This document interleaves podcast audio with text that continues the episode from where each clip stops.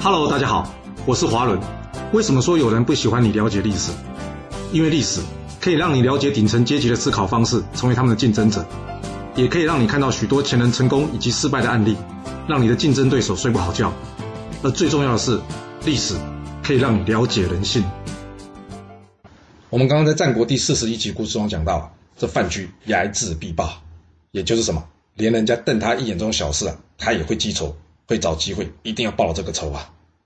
啊，不过这样说好像对他不太公平呢。毕竟对他好的人，他也没忘记报答人家，所以才会说他是一饭之德必偿，睚眦必报。要是换到现在的说法，就是范雎彻底贯彻了加倍奉还这句话啦。但从这里我们可以学到一件事，那就是走路在外，别没事瞪人或是盯着人家看呐，因为啊，就是有人会觉得不自在或是不爽。最后呢，因为这种小事引发不必要的冲突啊，还有就是千万别没事害人呐。俗话说风水轮流转呐，你怎么知道你今天的下属会变成你明天的老板或是客户啊？这不是历史故事，也不是演戏啊。只要你活得够长，这种事发生的几率就会越高啊。所以呢，我一直觉得人情留一线，日后好相见这句话是有道理的。反正没事别跟人家结仇啊。就算再讨厌，你避开就好了。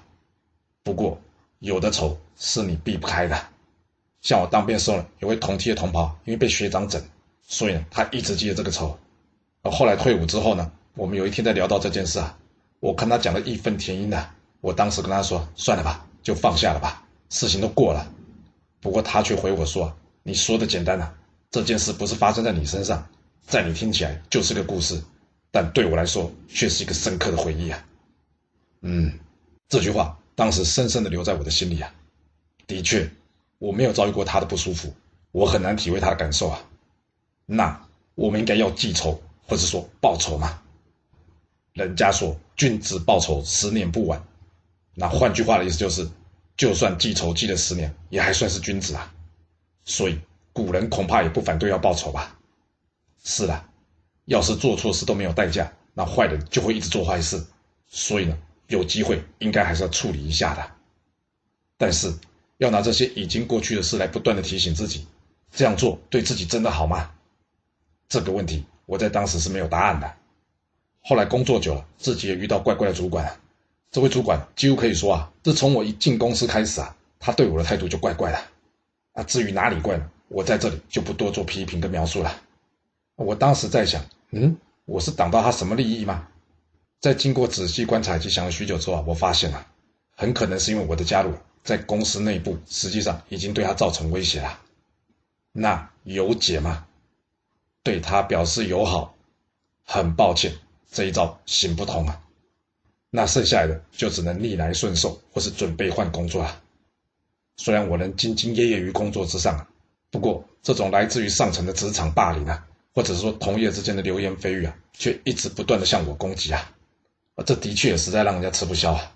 而这时候，我才能体会我军中同袍的那句话：这事情不是发生在你身上，在你听来是个故事，但对我来说却是一个深刻的回忆啊！那问题来了，有机会我们要报仇吗？好问题，你不报仇，他不收敛，那就会有其他人倒霉，感觉自己好像是在姑息养奸。但是，若你选择报仇，或许他也会想再报仇，那你就得要有心理准备，准备跟他继续纠缠下去。而这段回忆呢，将不但不会淡化或消失，反而会怎么样？更深刻或是拉长。嗯，感觉这是一道很深的人生课题啊。那就是人活着到底是为什么？这一百年之后，谁还记得我们做过什么事？要是没有人记得我，那活在当下不是更重要吗？我在录这集的时候啊，已经年近半百了。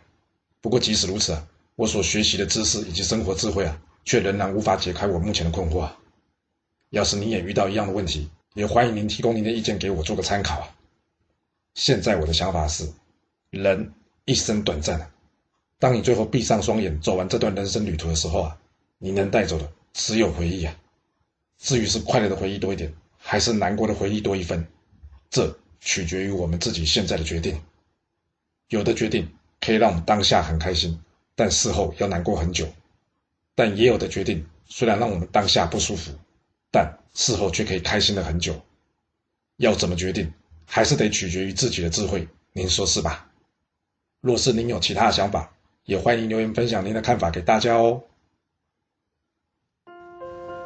好了，我们今天就先说到这。